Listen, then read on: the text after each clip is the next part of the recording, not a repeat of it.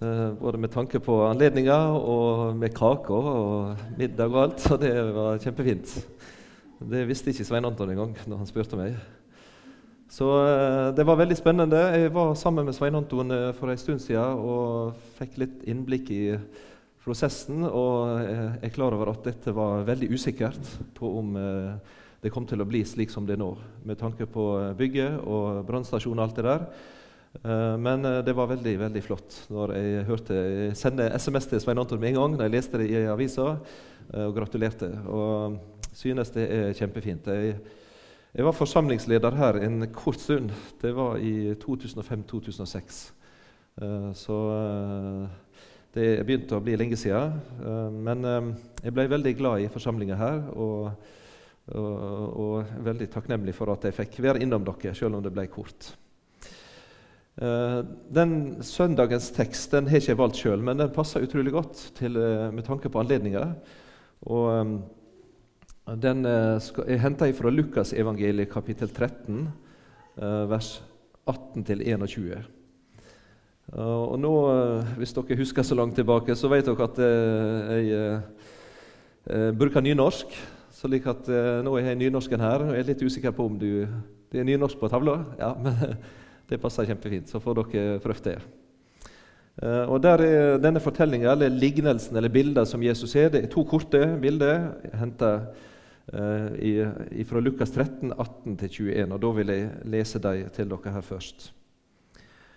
Uh, så sa han, Hva er Guds rike lik, lik, og hva skal jeg likne det med? Det er likt eit sennepsfrø som en mann tok og sådde i hagen sin. Det voks og vart til eit tre, og fuglene under himmelen bygde reir i greinene sine. Og atter sa han, Hva skal eg likna Guds rike med? Det er likt ein surdeig som ei kvinne tok og gjemde i tre skjepper mjøl til alt vart gjennomsyrt. Skal oss be kort. Himmelske Far, takk for at du underviser oss og lærer oss om eh, Guds rike, om hvordan Guds rike er, og så vet vi at Guds rike er annerledes enn denne verdens rike. Herre, hjelp oss å gripe hemmeligheten bak det, og hjelp oss til å hvile i det som du deler med oss. Amen.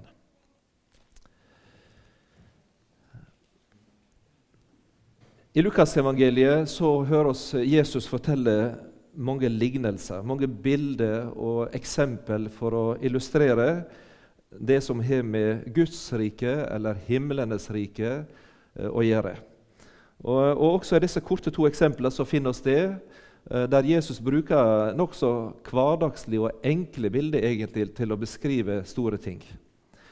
Eh, når det gjelder disse bildene som er henta her, så er det nå henta fra en hverdagssituasjon fra Midtøsten. da. Og Den første det er dette med sennepsfrøet, og det andre det er det med surdeigen. Ehm, det med surdeig er kanskje det som en del av dere har prøvd, det er gjær. Det er det som blir lagt i uh, leiven eller i deigen for at skal, uh, det skal bli gjærbakst. At det skal bli hevelse i det. Uh, og det er denne surdeigen. På den tid var dette en, et sånn, en liten sånn, klump av deigen som de tok vare på, og som de da putta i neste gang. Og så brukte de det som gjær. Eh, dette med sennepsfrø det er kanskje ikke en plante som de eh, fleste av dere har prøvd seg på. Eh, det er ikke sikkert du liker sennep engang. Nå er det pølser etterpå. Du kan kanskje få teste det med sennep der etterpå på medlemsmøtet. Men det er altså en plante som er bakgrunn for denne sennepen på pølsene. pølsesennepen. Og det frøet det er veldig smått. Det er kanskje ikke det minste frø i verden, for det fins mindre frø. Men eh, Jesus han snakker her om eh, hagen og denne hagen som en har. Og Se ikke en stor eh, hage hjemme hos oss og se en liten karm på en, kanskje fire ganger to meter. Men å se allerede vår på Vik gartneri og å se allerede planter i jorda. Både vårløk og purre og salat og persille og selleri og forskjellige ting. Så når jeg står i ene stuevinduet mitt, så hender det at jeg kommer ut og, og ser på. Og litt spennende nå, Hvis det blir frost, så kan det bli litt problem for salaten. Eh, men det har allerede begynt å vokse og spire. Nå er det ei vårtid. Og uh, Sennepen det var uh, på Jesu tid altså en, en hagevekst. nå blir det brukt som et bilde på at dette er et, en stor vekst. Og Hvis du leser i en oppslagsverk eller, eller ulike ting, så kan du finne at den kan bli mellom to til fire meter. Det er heller ikke verdens største tre, men det er kanskje en av de største hagevoksterne som du kan ha i en grønnsakhage. Eh, jeg prøvde meg i fjor på eh, sånne eh, sukkerert og fikk litt problemer med det. For det, litt problem med den, der, den ha, lille hageflekken min ligger, det, der er det en vegg på ene sida og så ligger huset på andre sida. Og når nordavinden står på, så stryker det. Så, og, og, da holdt det på å gå galt. Så jeg måtte ned på Vik Artneri og kjøpe sånne stakittgreier og binde opp og sette i pinner for at det skulle, skulle holde seg. da. Så slik er sennepsplanten. Den blir ganske stor. To til fire meter høy. Altså større enn det som jeg har i min grønnsakshage. i alle fall. Og så bruker Jesus disse enkle tinga, altså gjær og surdeig fra gjærbaksten og frø fra grønnsakhagen eh, som et bilde på Guds rike og på det som er hemmeligheten bak det. Guds rike det blir brukt i Nytestamentet ganske mange ganger. Og nå I forkant når jeg forberedte meg litt, så så jeg at Asbjørn Kvalbein dere vet at han, Forgjengeren til hans, Svein Anton her, at han er veldig glad i statistikk og sånn, og har veldig oversikt. Så han opplyste om at Guds rike er brukt 85 ganger i Nytestamentet. Det er et ganske alminnelig begrep og et viktig ord. Eh, og Guds rike Nå har vi allerede hørt om det faktisk i den barnesangen som ble sunget her framme. For det ene sida så er Guds rike alt som er her. Det er den skapte verden med alt det som fins. Og Vi hørte det her framme at dalen er hans, og fjellet er hans, og stjernene er hans. og Det er også Guds rike. Det er hans eiendom, for han har skapt det og laga det med sine hender. Så Guds rike er naturens rike fra ei side sett. Det er også mennesket og alt det som lever og yrer omkring oss på alle vis. Men når Jesus snakker om Guds rike her, så er det på en litt annen måte. Det er noe litt annet det er snakk om. Det er snakk om det som blir kalt for et nåderike. Eh, og Det er noe som steg inn eller kom til jord. Og Hvis du leser Nytestamentet, så vil dere se når Jesus snakker om Guds rike, så vil han si at nå er Guds rike kommet til dere. Og Da snakker han om at han sjøl er kommet til.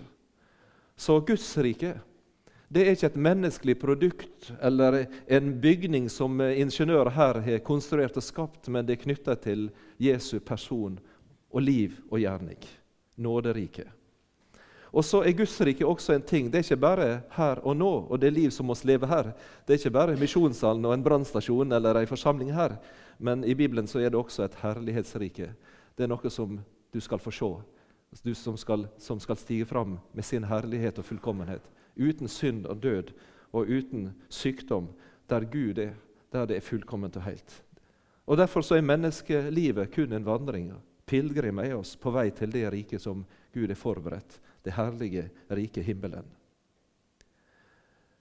Ja, Så snakker Jesus om hvordan dette riket blir til, og hvordan det eksisterer, og Guds rikets lover. Og jeg tenkte nå I denne talen min så skal jeg vise noe av de prinsippene, eller de grunnreglene eller det fundament som Guds rike er bygd på. Hva er det som gjelder i det riket? Eh, du vet sikkert noe om eh, det norske riket, og kanskje kjenner du til eh, noen av dere litt om de lover og regler og det fundamentet vårt demokrati er bygd på. Det er ulike ting. Men Jesus han snakker altså om Guds rike. Han bruker dette enkle bildet. Han bruker sennepsfrøet, og han bruker surdeigen eller jern, jern til det. Det som Jesus prøver å vise oss her, at Guds rike det virker i utgangspunktet veldig lite og ubetydelig. Det er ingen ytre prakt. Nå er det sikkert mange av dere her som er flinke til å pynte. og jeg ser her, altså se her, det er, det er vakkert og estetisk og farger kombinasjon av alt. Det er sikkert på Hvis vi reiser rundt om, hjemme hos dere og ser i stua, så er det mye vakkert som blir gjort. Men jeg tviler på at det er liksom gjærpakken du setter på bordet når du skal pynte til fest. Eller det er ikke sikkert at du strør omkring med småfrø på gulvet hvis du skal ha det fint hjemme. Det er ikke de ting. ikke sant? Nei, det er roser og det, det er vakre farger. og sånn. Men Guds rike, sier Jesus, det blir ofte sett på som noe lite betydningsfullt. Det er ingen ytre, stor prakt knytta til det. Det virker smått. Og slik er Guds rikets egen grunnleggende lov at i vanlige menneskelige øyne så virker det som ingenting. Hvis du går til Det gamle testamentet, så vil du se at når Gud kom til oss, og når Gud valgte ut sitt folk Du kan gå fra Abrahams tid, og jeg tenker på Isak og Jakob, patriarkene. Og Jakob som da fikk navnet Israel. Og Guds utvelgelse og Guds valg i alt dette som har med det folket å gjøre, som ble Israels folk i den gamle pakt, så vil du se noe som han sier til deg. Det er 5. Mosebok kapittel 7. Der vil du finne noen av denne livsloven, eller dette fundamentet, lagt, akkurat som, som frøet og som surdeigen. I 5. Mosebok kapittel 7, vers 7-9. Der står det slik.: Ikke fordi de var større enn alle andre folk, synte Herren godhug for dykk, så han valgte dykk ut. For det er det minste av alle folka. Men fordi Herren elsker dykk, og fordi han ville holde den eien han hadde svåre fedrene dykkar, derfor førde Herren dykk ut med sterk hand og frydde deg ut av trellehuset fra handa av farao, egypterkongen. Så skal du vite at Herren din Gud, han er Gud, en trufast Gud, som held pakta si og syner miskunn i tusen etterledder mot de som elsker han og held boet hans. La dere merke til begrunnelsen som Gud ga til Israels folk når det gjaldt at de fikk være Herrens folk. Det var ikke fordi de var store og mektige og moralske og prektige og fine. Nei, de var blant de minste blant alle folk, sier Jesus. Men begrunnelsen lå i dette de var elska av Gud. De var elska med et hjerte fra den evige Gud. Derfor valgte han dem ut. De minste de ønsket han å eie som sin eiendomsfolk. Hvis vi går til det neste steget, og det er knytta til Messias, Jesus. Hvordan var han? Og hva slags skikkelse og person var det som Gud valgte å stige ned i til oss for å åpenbare seg sjøl, for å vise oss sitt nåderike? Hvordan steg han fram? Og Da vet dere like godt som meg, og nå skal jeg hente fram en av de gamle profetiene som er kjempefine. Betyr mye for veldig mange. Henter jeg fra Jesajas kapittel 53. Den er så kanskje så alminnelig at du, du, tenker at ja, den har du hørt tusen ganger før, men likevel. Her vil du se hvordan denne Messias, denne Jesus, skulle stige fram fra Jesajas 53. og Jeg må nesten bare minne deg om det. Og Da skal du tenke på størrelsen og hvordan han stiger fram, og hva slags skikkelse han hadde. Fra vers 2. Han rann som en kvist for hans åsyn, som et rotskudd av tørr jord. Han hadde ingen skapnad og ingen herligdom. Vi så han, men han hadde ikke slik utsjående at vi kunne ha hugna i han. Vanvørd var han, og folk, vende, og folk hadde vendt seg fra han, en mann i liding, vel kjent med sykdom. Han var som en folk løgner åsynet sitt for, vanvørd, og vi rekna han ikke for noe. Sannelig, våre sykdommer har han tatt på seg. Våre pinsler har han båret. Vi trodde han var heimslege, søkt slegen av Gud og gjort villendig, men han ble såra for våre brudd, knust for våre synder.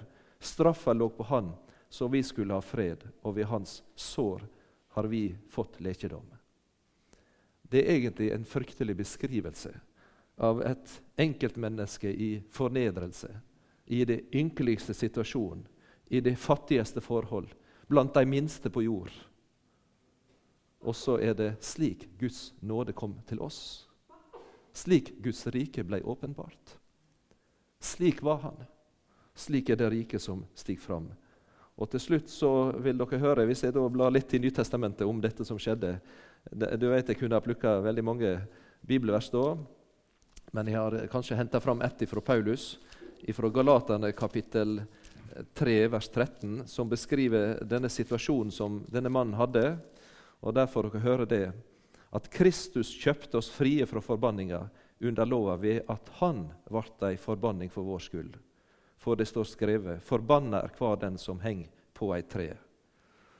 Og Går du videre til Filipperbrevet og får beskrivelsen, denne gamle trusbekjennelsen, eh, som, eh, der de bekjenner Kristus og hvordan han er, så vil du finne det samme i Filipperne kapittel 2, vers 5-11.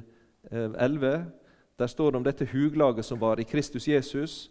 Han som da han var i Guds skapning, ikke holdt det for et røva bytte å være Gud lik, men ga avkall på det, tok en tjeners skapnad på seg.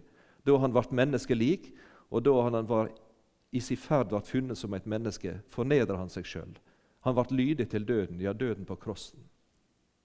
Det er det djupeste, det laveste, det mest elendige som ble fornedra til en korsdød og til en forbannelse til ble gjort til synd for oss. Det er egentlig ganske utrolig at det går an at Gud kunne komme på den måten. Og Mange synes dette var en feil måte. At Guds rike kunne ikke stige fram slik.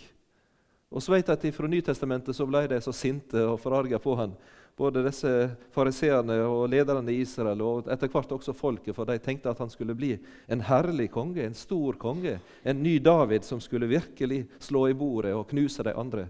Og Så kom han ridende på et esel, som vi ble minnet om i påska. Og så ble han klynga opp til et tre, et tre, og de ser han dø. Slik var han. Jeg har funnet et bibelvers også fra Peter, denne apostelen som, som var tett på. Og Fra 1. Peters brev, kapittel 2, så blir Guds rike beskrevet fra apostelen. Uh, og han, uh, Da bruker han et bilde som jeg syns passer godt her. Da står det at han Han, se, han står det Kom til han den levende steinen, som ble vraka av mennesket, men utvalgt og kostelig for Gud.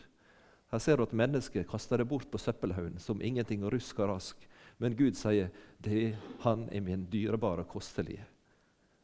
Kom til Han den levende stein, og vær sjøl oppbygde som levende steiner til et åndelig hus, til et heilagt presteskap, til å bære fram åndelig offer, slik som er hugna til Gud ved Kristus Jesus.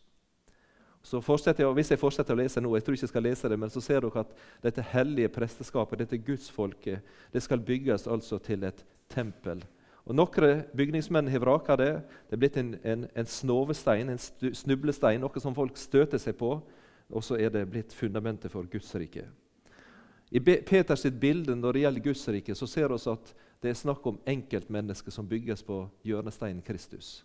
Noen mennesker forkaster han og hiver han på søppelhaugen, mens andre sier, de plukker han opp og sier ja, men her vil jeg bygge. Det er fundamentet for mitt liv og min, min bolig. Og så blir de bygd opp enkeltvis til et stort Guds tempel på jord. Og det er Guds rike. Det er faktisk enkeltmennesket, og det er menigheten. Det er jordens største under, som Ronald Fangen sier. Det er Guds rike her på jord, det store. Og Da kommer jeg til inn på den, Nå har jeg snakket om Israel som, og utvelgelsen, og om Messias, hvordan nåderiket steg fram. Og Så kommer jeg til det tredje punktet, og det gjelder når Gud velger i dag. Hvordan velger han? Jo, han velger og ser ut og elsker den svakeste på jord. Og da tenker han på deg og på ditt liv og din historie. De mange fall og nederlag, de svakeste øyeblikk, din skrøpelighet. Og når han ser et menneske som deg med alt som du sjøl veit bor i deg, så sier han et slikt menneske ønsker jeg å eie og ha som mitt barn. Det er noe av Guds utvelgelse og Paulus han blir aldri ferdig med å undre seg over det, eh, både med tanke på sitt eget liv. Dere kjenner litt til fra Nytestamentet hvordan han hadde vært. Han var ikke noe, en, en veldig god og snill. Han hadde vært brutal på mange vis. Så skriver han det til korinterne, at når Gud velger ut sitt folk, i Korinterne kapittel 1, så velger han på en annen måte enn det verdens eh, velger. Han velger ut det minste. Mm, og Fra 1. Korinterne kapittel 1, vers 26, da står det jeg tror jeg leser bare fra vers 27 der, at det dåraktige verden, det valgte Gud seg ut for å gjøre det vise til skamme. Det som var veikt i været, det valgte Gud seg ut for å gjøre det sterke til skamme. Det som var lågt i været, det som var vanvørt, det valgte Gud seg ut. Det som ingenting er, for å gjøre til ikke det som er noe. Og hvis jeg tenker på mitt eget lille liv Nå har jeg sikkert dere mange eksempler fra dere eget. Den første som jeg tenker på knytta til det når det gjelder hvordan jeg sjøl møtte dette for første gang, så er det min egen mor. Hun døde i januar, så det er ikke så veldig lenge siden jeg, jeg mistet henne. Men, og Hvis du hadde kjent min mor, og også slik hun hadde det på slutten, og slik hun har vært i mange år, så ville du ha sett at jeg, jeg har hatt en mor som har vært veldig skrøpelig på mange vis. Uh, og hun har vært, uh, hatt mange plager, uh, mye kronisk syk. hun hadde en lidelse, hun var bipolar, manisk depressiv, og var veldig sterkt rammet av det. slik at hun i store deler av mitt liv så har hun hatt det krevende. hun har ingen kjendis. og det var lite hun fikk gjort egentlig pga. sitt handikap. av det som var av, av ansvar å kunne ta egentlig ta på ting. Men hun gjorde en ting at hun i min oppvekst og min heim så satt hun på sengekanten for oss brødrene. Og så leste hun fra bibelboka, barnebibelen hver eneste kveld år etter år. Og så lærte hun oss å be i Jesu navn. Eh, og så da vet jeg at min mor i all sin skrøpelighet Hun var heller ingen stor teolog, så jeg har hatt en, del diskusjoner med henne om ting som jeg ikke syns eh, er helt på plass, og jeg syns jeg er helt enig i. Uh, og det er jeg klar over at Midt i det hele så hadde hun en stor Jesus, og den la hun framfor oss som barna. Det har fulgt med resten av mitt liv. Uh, slik var Guds rike også i, i, min oppvekst. Noe som var veldig skrøpelig og smått, men som virkelig har falt rot og, og kom til. Uh, jeg tulla meg bort en periode som gutt. og jeg gikk ikke på, på bedehuset og på møte sånn som mange av dere gjør. Eh, men jeg fant tilbake igjen om et søskenbarn som maste meg med i ungdomskoret. Eh, og det var eh, vekkelse i ungdomsforeninga vår. og Predikanten spurte om noen ville ta imot og komme fram og bekjenne. og Jeg satt på bakerste benk under forbundshandlinga og rekte opp ei lita hånd sånn og sånn. Det kan iallfall bli bedt for. Og Jeg hadde ei nabokone og hun kom bort til møte, det møtet og så sa hun, Jan Helge, det var voldsomt kjekt at du ble en kristen i kveld. Uh, og Egentlig hadde jeg ikke tenkt det. Jeg hadde, egentlig, jeg hadde lyst, men jeg ville bare kjenne at jeg ville gjerne bli bedt for. Men fra den kvelden, fordi hun Petra sa det, så har jeg kalt meg en kristen. Og nå kan du argumentere med det og si at det var en skrøpelig start. At det rett og slett hang på at jeg hadde rett opp ei lita hånd, og nabokona hadde antyda at ja, men i kveld så ble du. Men det var slik jeg begynte. Uh, og jeg har faktisk uh, hatt et lite bibelvers som jeg har klynga meg til på den måten jeg begynte på. For det gikk mange år før jeg skjønte uh, det, mye av det som Bibelen sier noe om. Og det var mange år før jeg egentlig fikk sånn trygge tru etter det. Og da skal jeg til slutt Nå ser jeg, nå lyser klokka mi rødt her, men det er fra Zakarias bok. Og da skal jeg ta bevegelsen over til misjonssalen også gjennom det. I Sakarias bok kapittel 4 der handler det om å bygge Guds rike og hvordan Guds rike vokser. Og Der får Zakaria et syn. Han, han, kommer inn og ser noe. Uh, og Han ser en, en, en, lysestak av gull. Dere vet Det blir brukt på bilder av menigheten også i åpenbaringsboka. Uh, Nå skal jeg ikke lese alt, jeg tror jeg hopper litt. Men uh, jeg skal lese ifra vers 6, tror jeg fra Zakaria 4,6. Da tok han til orde og sa til meg, dette er Herrens ord til Serubabel, ikke med makt og ikke med kraft, men med min ande, sier Herren, allherrs Gud. Og Dette gjelder Guds rike, og dette vil gjelde misjonssalen, også når det gjelder de planene som dere har. Her er fundamentet for hvordan Guds rike vokser. Og Så sier han videre også at i vers 9 Serubabel hender har grunnlagt dette huset. Hans hender skal fullføre det. De skal kjenne at Herren allers Gud har sendt meg til dykk. For hvem har vanvør dagen som tok til i det små? Slik er Guds rike. Du skal ikke forakte den ringe begynnelse, også i ditt liv. Kanskje føler du at det er veldig sånn ubetydelig og smått med det som du har forstått, men likevel, slik begynner Guds rike alltid å vokse. Kanskje er det slik også i ditt kristenliv at du føler det er lite og ubetydning, ubetydningsfullt, det du kan gjøre. Kanskje er du med i en, en, liten ting og du føler du får bety lite, men likevel Gud kan bruke det små og det ubetydelige også. Og så til det siste i dette bildet. For det, disse bildene som Jesus og lignelsene han bruker, så vil dere se at dette treet, det sennepstreet det vokser, og himlenes fugler fra alle kanter kommer og slår seg til og bygger reier i det. Og denne surdeigen som blir lagt inn, den altså som i 25 kg mjøl, som det er snakk om her, den fører til at uh, hele deigen blir syrna. Hele deigen. Alt brød blir gjennomsyrt. Så det vil si at Guds rike, det små, det har en sprengkraft i seg til å vokse, og så vil det bryte alle grenser og gå ut. Og da er vi over i verdensmisjonen, ikke sant? Guds rike og misjonssalen er større enn dette, enn det som vi ser her. Og Derfor så vet vi at eh, NLM, eh, som misjonssalen tilhører, har 'verden for Kristus' som sitt livsmotto. Det har de i tro på krafta til det lille frøet og til surdeigen som vokser.